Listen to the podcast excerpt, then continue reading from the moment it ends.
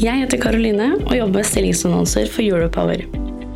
Europower har mer enn 7000 abonnenter, og podkasten du nå lytter til, har mer enn 300 ukentlige lyttere. Hvis du er på jakt etter ny jobb, se stilling.europower.no. Ta også gjerne kontakt med meg dersom du ønsker å annonsere ledige IT-stillinger i fornybar energibransje.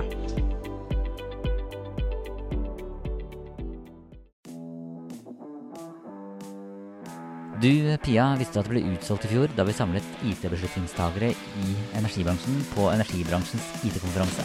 Ja, det visste jeg. Vi måtte jo si stopp rundt 215 deltakere. Eh, Men fortvil ikke. Eh, Den 26.9 så samler vi på ny hele flokken for å dele erfaringer og bygge nettverk. Og vet du hvem som er sponsorer og som skal delta på scenen i debatter i år, da? Ja, er, er ikke det Statnett, Elhub, Elvia, Lede og Embrik? Jo, og så er det Microsoft, Itera, Bouvet, DNV, Elmera Group. Så må vi ikke glemme da Nodes, Segal og PwC. Eh, Og sponsorene har allerede kjøpt opp mer enn 150 av deltakerplassene, så dette blir garantert årets viktigste møteplass for de som jobber med IT i energibransjen. Så ta en titt på teknologioptimistene.no for mer informasjon. Men nå er det nok reklame for energibransjens IT-konferanse. Skal vi ikke komme i gang med podkasten, Pia? Jo, vet du hva, la oss gjøre det. Du lytter til Teknologioptimistene fra Europower Partner. Redaksjonen i Europower har ikke medvirka i denne produksjonen. Hei og velkommen til Teknologioptimistene, en podkast for IT-beslutningstagere i fornybar energibransje. Jeg heter Skjul Kristian Aamodt. Jeg har bakgrunn fra det å bygge, internasjonalisere og selge softwareselskap, enten som ansatt, styremedlem eller som eier gjennom investeringsselskapet Metrix. Til daglig så jobber jeg på kommersiell side i Europower, der vi gjennom en partnermodell hjelper IT- og softwareselskap med vekst i fornybar energibransje. Og med meg her i studio i dag så har jeg David Askeli Aleksandersen, salgsdirektør i Amesto Growth. Velkommen. Tusen hjertelig. Dette har jeg gleda meg til. Eh, og Amesto Growth, det, det virker som at dere også hjelper eh, selskap med vekst, stemmer det? Ja, Det er primæroppgaven vår på litt ulike områder, men, eh, men det handler om vekst. Så først, David, hvem er du? Jeg heter altså David. Jeg er født og oppvokst på Hvaler før jeg dro til Halden for å studere informatikk. Halden. Ah, jeg er fra Sarpsborg. Ikke sant? Eh, og da må vi Hva er best av Halden og Sarpsborg?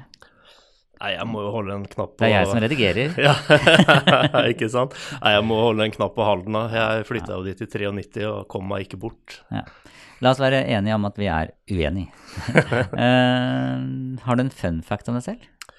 Ja, eh, det er litt vanskelig da, å finne fun facts. Um, en ting som kan være litt artig, er at eh, jeg har jo tatt noen tatoveringer etter hvert. Uh, og jeg begynte på et oppdrag å ta tatovering i alle byer uh, og steder som jeg reiser til. Jaha.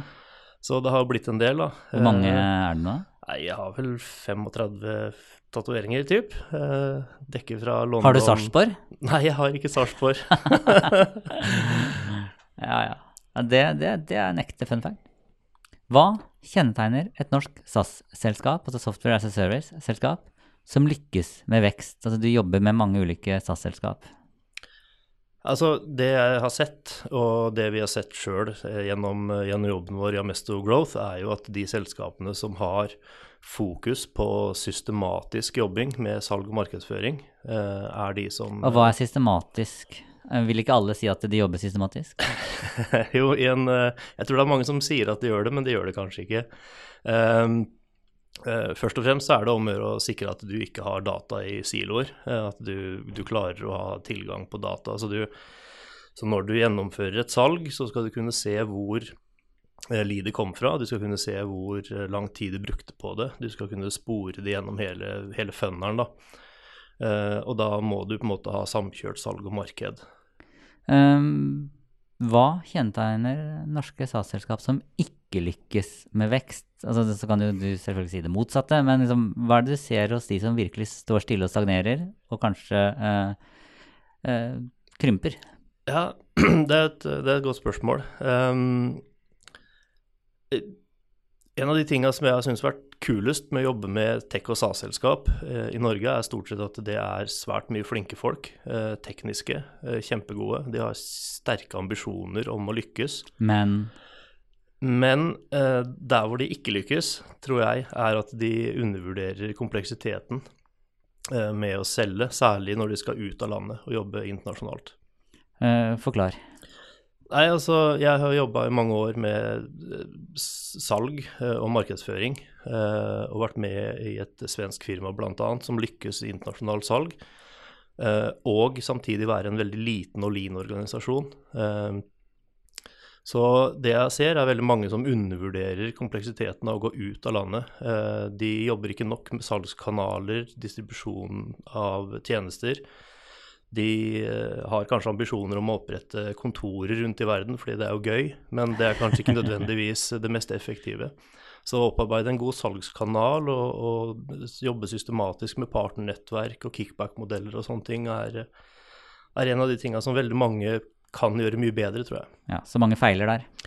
Ja, jeg, det, det, er, det er jo mye kulere å ha et kontor i New York enn å sette opp en liten satellitt eh, virtuelt og jobbe med partnernettverk. Når jeg bygde et selskap eh, en gang, så ble vi intervjua av Kapital eh, ganske kjapt.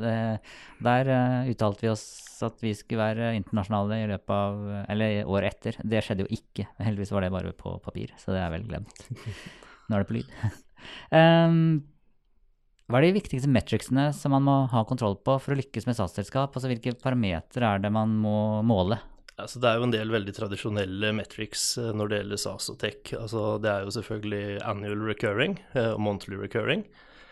Og så må du ha kontroll på churn, eh, selvfølgelig. Det er viktig. Um, og så må du vite hva kunden din har vært, altså lifetime value helst. Og hvordan finner man ut det? Nei, Da ser du jo på hvor lang tid du har en gjennomsnittskunde, og hvor mye penger den legger igjen eh, i løpet av den perioden. Og da må man jo ha et bakspeil òg, for da må man ha holdt på en stund. Altså Et startup klarer jo ikke å ha eh, de dataene. En startup klarer ikke å ha de dataene, så det er selvfølgelig kjempeutfordrende. Men, men da er det Det som er viktig, da, det er å ha system og struktur. Eh, ha tilgang på data. Eh, vite, vite hvordan du skal hente ut de tallene. Ha systemer som gir deg mulighet til å finne de fram. Eh, en av de tingene som jeg er også mest opptatt av, er jo på en måte, det er jo kunde, altså kosten på å skape en ny kunde. Ja, CAC, eller Customer Acquisition Cost. Yes. Hvordan regner du ut det? Nei, altså en, uh, Egentlig så skal du jo ta på en måte alle salgs- og markedsføringskostnader uh, og over en måned f.eks. Og se på hvor mange kunder du får inn i samme periode. Tar det med lønna da? Ja, det bør du jo gjøre. Eh, vi Men er, det, men, er det litt, altså, men er det ikke det litt krevende? For, altså, for du starter et løp, eh, og så er det jo ikke sånn at den kunden signer den måneden. Nei. Eh, kanskje signer ikke den kunden før neste år. Altså man det modnes, og det kan være mange årsaker til det. Ja. Hvordan finner man da CAC-en? Det er jo en av de utfordrende tinga, da. og, men da er du jo nødt til å ha kontroll på kundesyklusen din. Altså hvor lang tid bruker du fra du får første interaksjon med en kunde, eller potensiell kunde, da, til du faktisk signer en avtale. Eh, og en av de tinga som er kjempeviktig i tillegg, da, det er jo å vite hvilke kanaler er det du får kunder som kommer inn og blir raskest kunde. Eh, og det, der er det veldig mange som ikke har kontroll. Er møte en kanal? Møte er, eh, fysisk møte er viktig. Så vi har ikke slutta med møter. Nei, vi har ikke slutta med møter. Og jeg er jo veldig glad i å treffe folk. Eh, Når jeg først begynner å prate, så slutter jeg vel aldri. Eh, Det Men, er derfor du er i podkast, si. Ja, det er, det er vel det. Kanskje det blir en veldig lang podkast.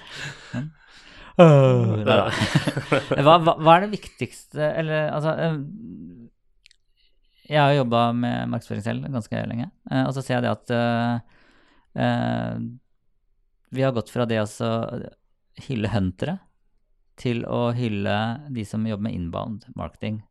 Og det er på en måte det helt det motsatte.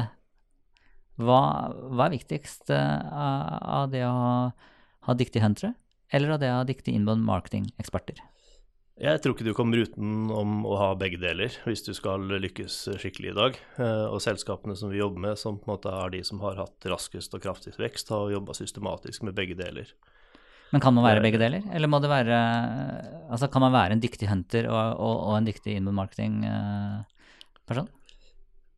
Ja, altså utgangspunktet eh, Altså vi setter jo gjerne en hunter til å følge opp eh, inbound leads Ja, for å sikre closing. Eh, Men, men det er jo selvfølgelig også viktig at man, man bruker Fordi når inbound marketing kom da, som begrep, så var det liksom outbound er død, ikke sant. Altså kong, kong inbound har tatt tronen. Og nå er det vel noen som sier at nå er både kong outbound og kong inbound, og så er det kong AI som kommer. Ja, men, AI, men, men de som skriver all, all sin innbånd med AI, det blir veldig likt, da. Ja, og det blir jo Altså, der er det jo litt tilbake til eh, Har du ikke kreativitet, har du ikke strategisk evne, så, så hjelper det ikke om du har et verktøy som kan skrive litt tekst for deg. Ja, Og, og, og da, veldig mange software-selskap har veldig lik inbound marketing. Ja. Hvor viktig er det å skille seg ut? Altså, metodikken er jo, er jo veldig lik, selvfølgelig. Eh, Det er lett å komme inn på en, et selskap sin hjemmeside og så skjønne etter brøkdelen av et sekund at dette her er en inbound-virksomhet. Eh, Men, men det som er viktig Last ned rapporten, liksom? Ja, last ned rapporten, eh, sign up for et eller annet. Eh, Og det, og det funker jo, men det som er ekstremt viktig, er jo at innholdet må faktisk være godt. eh, Og det må besvare de tinga som du som kunde er, eller potensiell kunde Ja, er for, jeg, for, jeg, for jeg har en teori om at den inbound marketingen som virker, er den som presenterer harde tall og fakta. Eller satt på spissen, altså inbound marketing beskrives av CFO eller CTO.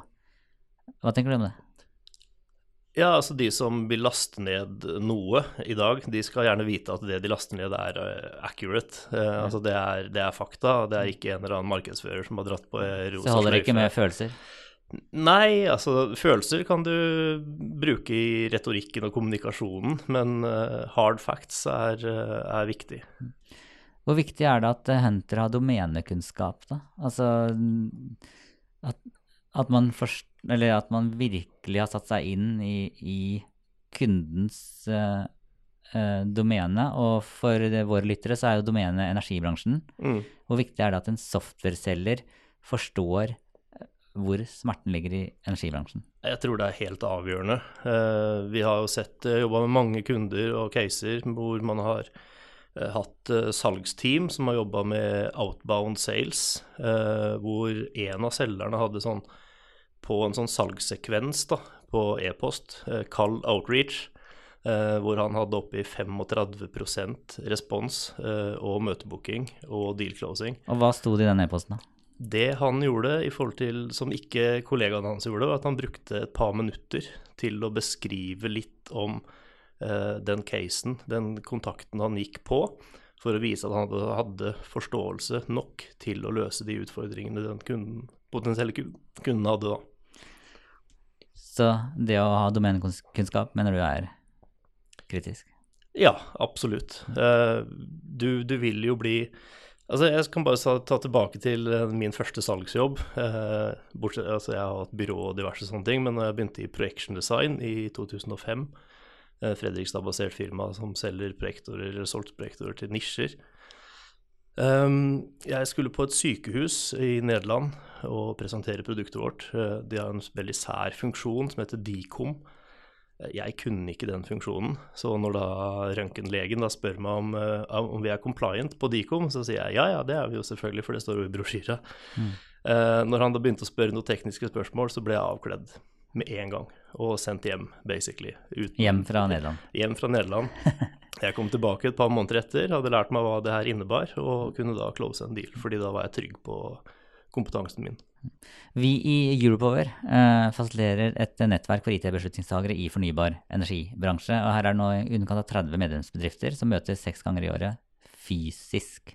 Altså ikke på Teams, men fysisk. Hvor viktig er de fysiske møteplassene med tanke på å lykkes med vekst eh, i software? Jeg, tror fysiske møteplasser eh, er på vei tilbake for fullt. Eh, og det er jo artig at du nevner det, egentlig, fordi vi har jo akkurat bestemt at vi skal innføre frokostmøter og lunch and learns fysisk for å skape mer tilstedeværelse og være sammen med de vi ønsker å, å gjøre business med, rett og slett. Men hvorfor det? Altså, går vi, altså, det store bildet er jo at nå, nå kan vi jo møtes på Teams, og, og vi kan jo altså, vi kan treffe så sinnssykt mange eh, på så sinnssykt mange digitale arenaer. Hvorfor er det å møtes i samme rom og spise bagetter og ta hverandre i hånda så viktig? Altså, mennesker er jo sosiale dyr. Eh, og vi har jo egentlig aldri vært vane med å, å, å sitte med en skjerm mellom oss, eller to skjermer og, og filter. Altså, vi, vi er glad i historiefortelling. Vi samles rundt leirbålet for å fortelle historier og skrøne litt. og og, og snakke med hverandre. Og den fysiske tilstedeværelsen, eh, den er super. Og særlig hvis man da er en, hva skal vi si, en litt sånn klassisk relasjonsbygger, da. Så, så er det å ta på folk og se på folk, det er, det er superviktig. Men uh, hvilke digitale arenaer er viktige? Hvor viktig er LinkedIn sammenlignet med Facebook, f.eks.? Uh, jeg, altså, jeg, jeg, jeg, bruker jo Facebook eh, personlig, privat. Uh, jeg bruker jo Facebook svært lite i jobbsammenheng. Det er noen grupper og sånn, men, men, det er LinkedIn som er den, uh, den plattformen som, som, jeg bruker profesjonelt. Twitter, da? Twitter var gøy en stund, og så ramla jeg litt av. Jeg tror mange lykkes på Twitter, men det var, ikke, det var ikke min arena, for å si det sånn. Må en en, eh, må et SAS-selskap være på TikTok? Det er et godt spørsmål. Eh, da må de i så fall være sikre på at de treffer målgruppa si der. De siste årene så har investorer kasta penger etter eh, SAS-selskaper, altså investert. Uh, og vi har sett prisinger uh, på selskapene med himmelske multipler på EBTA-en eller ARR-en eller MRR-en, altså årlige eller månedlige repeterende inntekter. Uh, og selskapene har jo da fått lov til å bruke mye mer penger enn de har tjent. Og da er det jo kall det enkelt å vokse. Ja. Hvordan ser bildet ut nå? Du, Pia, visste du at det ble utsolgt i fjor da vi samlet IT-beslutningstagere i energibransjen på energibransjens IT-konferanse? Ja, det visste jeg. Vi måtte jo si stopp rundt 215 deltakere. Eh, men fortvil ikke. Eh, den 26.9 så samler vi på ny hele flokken for å dele erfaringer og bygge nettverket. Og vet du hvem som er sponsorer og som skal delta på scenen i debatter i år, da? Ja, er, er ikke det Statnett, Elhub, Elvia, Lede og Embrik? Jo, og så er det Microsoft, Itera, Bouvet, DNV, Elmera Group. Så må vi ikke glemme da Notes, Segal og PwC.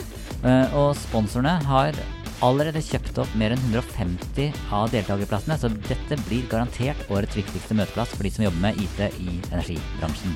Så ta en titt på teknologioptimistene.no. I dag er det nok litt mer komplekst. Vi ser eh, veldig mange av kundene våre er opptatt av det De er fortsatt opptatt av vekst, selvsagt, men eh, det har sneket seg inn en sånn liten sånn, et ord foran. Da. De vil ha profitabel vekst. Ja, det er noe dritt. Ja. de skal tjene penger samtidig. Ja, de må tjene litt penger samtidig. Hva, eller... Men hva gjør det? Altså, dere i Amesto Growth, som går inn i og skal hjelpe selskapet med vekst, har dere måttet tune metodikken noe fra, bare, altså, fra å jobbe med selskaper som ikke trengte å være profitable, men som bare mål, målte veksten, til selskap som faktisk må tjene penger underveis når det vokser? Ja, Det vi har sett, er jo at veldig mange har mer fokus på den kvalitetsbaserte salgsprosessen. Altså Var det ikke kvalitet før? Det var nok litt mer armer og bein. fordi har du på en måte en ekstrem eh, hva skal vi si, inndraging av leads fordi du har marketingbudsjetter herfra til Dovre eller månen eller hvor som helst, så, så var det kanskje ikke så, så nøye om noe glapp. Men, eh, men, nå er det mer fokus på, på dokumentasjon i salgsprosess, optimalisering, effektivitet, eh, gode kvalifiseringer osv. Så, videre. så det er mer systematikk. Så det du sier at det salgsbudsjetten, eller marketingbudsjettene er ikke lenger herfra til Dovre, men herfra til Sinsen? Ja, det, det er mange som holder igjen. De er usikre. Men... Hvordan rammer det deg, da? Ja? Nei, altså vi skulle jo Vi blir jo selvfølgelig prega av det, i og med at uh, kundene våre ikke bruker så mye penger eh, som tidligere. Men det vi ser, er at der hvor de kanskje har gått fra å være mye mer marketing, eller på markedsbudsjett, da, så, så, så er det investeringsbudsjett for å optimalisere salgsprosess. Og vi ser uh, Vi jobber jo med HubSpot som et CRM som på en måte har brøt ned litt silo mellom salg og marked og kundeservice osv. Og, så Eh, vi ser veldig mange kommer til oss og sier at vi, vi vil gjerne ha litt råd om, eh, om, hvordan vi kan optimalisere salgsprosessen vår. Eh, på powerpointene dine nå, bruker du mer ord som right scaling istedenfor upscaling? Nei, vi, vi, gjør nok ikke det, men det er et begrep som flere av kundene våre har kommet med. Vi skal litt tilbake til HubSpot, men først. Tidligere så hadde alle software Key Account Manager Eh, jeg var også en Account Manager da jeg jobbet i software for 20 eh, år siden. Jeg begynner å bli gammel. Eh, nå skal alle ha Customer Success Managers. Hva er forskjellen på en Customer Success Manager og en Key Account Manager? Eh, Jeg opplever vel at en key account primært handler om eh, salgsorientering, mens en customer success er på en måte de som skal ta hånd om kunden etter at salget er gjort. Men de skal jo også generere, generere salg. De altså, Det er ikke noe vits å håndtere kunden med mindre man selger, er det? Nei, altså i andre enden Altså man ønsker jo alltid oppsalg og mersalg, og der har jo selvfølgelig customer Og i hvert fall ikke churn. Nei, i hvert fall ikke churn. Ja. Eh, Så, så customer success er en kjempeviktig viktig rolle. Vi ser veldig mange eh, av de kundene som vi jobber med, også har på en måte både kammer og eh, customer success på de største kundene sine.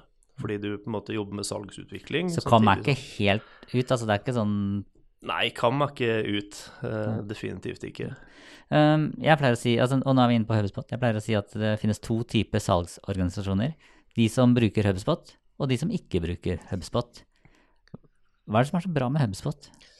Um, det er et godt spørsmål. Eh, Jeg har jo jobba med HubSpot faktisk i ti år, eh, siden jeg tok i bruk første gang. Um, og har på en måte vært med reisa fra HubSpot var et, eh, et svært godt marketing automation-verktøy for inbound, eh, og det begrensa seg stort sett til det. Eh, Så har det jo på en måte kommet masse nye funksjoner, og det har omposisjonert seg fra å være en inbound automation-plattform til å bli en growth-plattform, og så til slutt da endelig som et fullverdig CRM. Hva, hva skiller en inbound uh, automation-plattform med en growth-plattform? Nei, altså Det som var med Growth-plattform, var at de, de fikk mer funksjoner. Altså utvida seg litt. Eh, mer marketingfunksjoner, eh, websider og, og mer salgsstøtte. Så, så, altså, så det som vi ser, da, som på en måte HubSpot representerer, er på en måte den silofrie eh, salgs- og markeds- og kundestøtteorganisasjonen. Hvor alle jobber i samme system, alle har tilgang til samme data. Og det er lett å bygge dashboard. Og så er det Eh, Jeg har jobba med onboarding av mange firmaer i HubSpot. Eh, har hatt en eh, særlig spesiell opplevelse med en salgsorganisasjon. Det var ca. 20 selgere. Eh, når den ene selgeren fikk høre at de skulle innføre et nytt system, så reiste han seg brått opp, eh, sparka stolen i veggen omtrent, eh, og sa at jeg skal ikke ha et nytt system. Og han sa det ikke så pent, for det var ganske mange stygge ord der. Eh, Han var sikkert fra Fredrikstad, ikke sant? Nei, han var, han var nok ikke det. Men, men det som var kult, det var etter onboardinga 14 dager etter så skulle vi ha sånn oppfølgingstrening. eh, og da kom han og ba om unnskyldning, for han syntes det her var helt supert og lett å bruke. Eh, Hva er den vanligste feilen som selskap gjør når de eh, tar i bruk HubSpot? Jeg, jeg tror det er det samme som når alle selskap tar i bruk andre systemer, eller uansett hvilke systemer. Eh, undervurderer eh, at det faktisk må jobbes med systematisk og strukturert. Eh, og, og vi anbefaler jo også at kundene våre har på en måte en, en liten sånn HubSpot champion internt. Eh, ha et eh, go to-punkt. Eh, for, for uansett hva du kjøper av systemer og sånn, så, så er det ikke sånn at ting fik, fikser seg av seg sjøl. Så, så ofte så er det sånn uansett system, så er det undervurdere kompleksiteten, da. Selv om HubSpot er lett å bruke og lett å holde på med, så trenger det litt kompetanse. Det er veldig mange som uh, velger bort andre systemer og velger HubSpot. Uh, hvorfor, eller har du møtt noen som velger bort HubSpot for, til fordel for noe annet? Det var et uh, godt spørsmål. Uh, ja, vi, vi har det. Uh, vi Hvorfor har, I tre tilfeller har det skjedd. To av dem så har selskapene blitt kjøpt av andre selskap, og der har da de kjøpende selskapene har en tech-stack eh, som ikke er HubSpot-basert. Um, og da gikk det over til Salesforce og diverse andre ting. Um, det tredje tilfellet der på en måte HubSpot har, eh, har blitt forlatt, eh, der, eh, der klarte de ikke å få noe effekt og nytte av det. Så de valgte på en måte å gå helt bort ifra det og gå tilbake til silosystemene sine igjen. Jeg bygde jo et selskap, et medieselskap, som da fusjonerte seg inn i DN Media Group, eh, og vi hadde med oss HubSpot eh, inn. Og jeg har vel sagt at eh, hvis, eh, hvis jeg må gi fra meg HubSpot, så slutter jeg.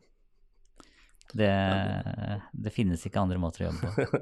Um, et av de, jeg har to viktige spørsmål igjen. Altså, du er fra Hal er Halden? jeg er fra Hvaler, er fra egentlig. ja. ja. Bor i Halden, jobber i Fredrikstad. Ja. Hvis du kunne valgt, hadde du flytta til Sarpsborg da? Helt ærlig? Ja, ok, bra, du nikka.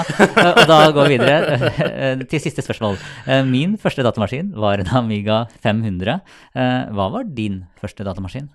Jeg fikk en eh, Commodore VIC 20 i 1982. Så det var, 1982. jeg var kjempetidlig ute. Du var, hva er det man kaller det? Early, early adapter? Early adapter. Ja, jeg hadde, hadde en nabo som hadde en Atari. Og så tror jeg jeg klarte å få grint meg til at jeg ville ha en eh, VIC 20. Og det, det var fint, for det var starten på en IT-karriere. Det var starten på veksten. Så, Definitivt. så bra. Eh, Da gjenstår det bare å si tusen takk til deg, David Askeli Aleksandersen fra Amesto Growth, for at du tok deg tiden til å delta i podkasten vår. Tusen takk til deg som lytter. Mitt navn er Skjul Kristian Aamodt, og jeg er en teknologioptimist. Og hva er du, David? Jeg er også en teknologioptimist. Får ikke lov å si noe annet. Ok, tusen takk for meg. Takk. Hei. Du, Pia, visste du at det ble utsolgt i fjor da vi samlet IT-beslutningstagere i energibransjen på energibransjens IT-konferanse? Ja, det visste jeg. Vi måtte jo si stopp ved rundt 215 deltakere. Eh, Men fortvil ikke. Eh, Den 26.9 så samler vi på ny hele flokken for å dele erfaringer og bygge nettverk. Og vet du hvem som er sponsorer og som skal delta på scenen i debatter i år, da? Ja, er, er ikke det Statnett, Elhub, Elvia, Lede og Embrik? Jo, og så er det Microsoft, Itera, Bouvet, DNV, Elmera Group. Så må vi ikke glemme da Nodes, Segal og PwC. Eh, Og sponsorene har allerede kjøpt opp mer enn 150 av deltakerplassene, så dette blir garantert årets viktigste møteplass for de som jobber med IT i energibransjen. Så ta en titt på teknologioptimistene.no.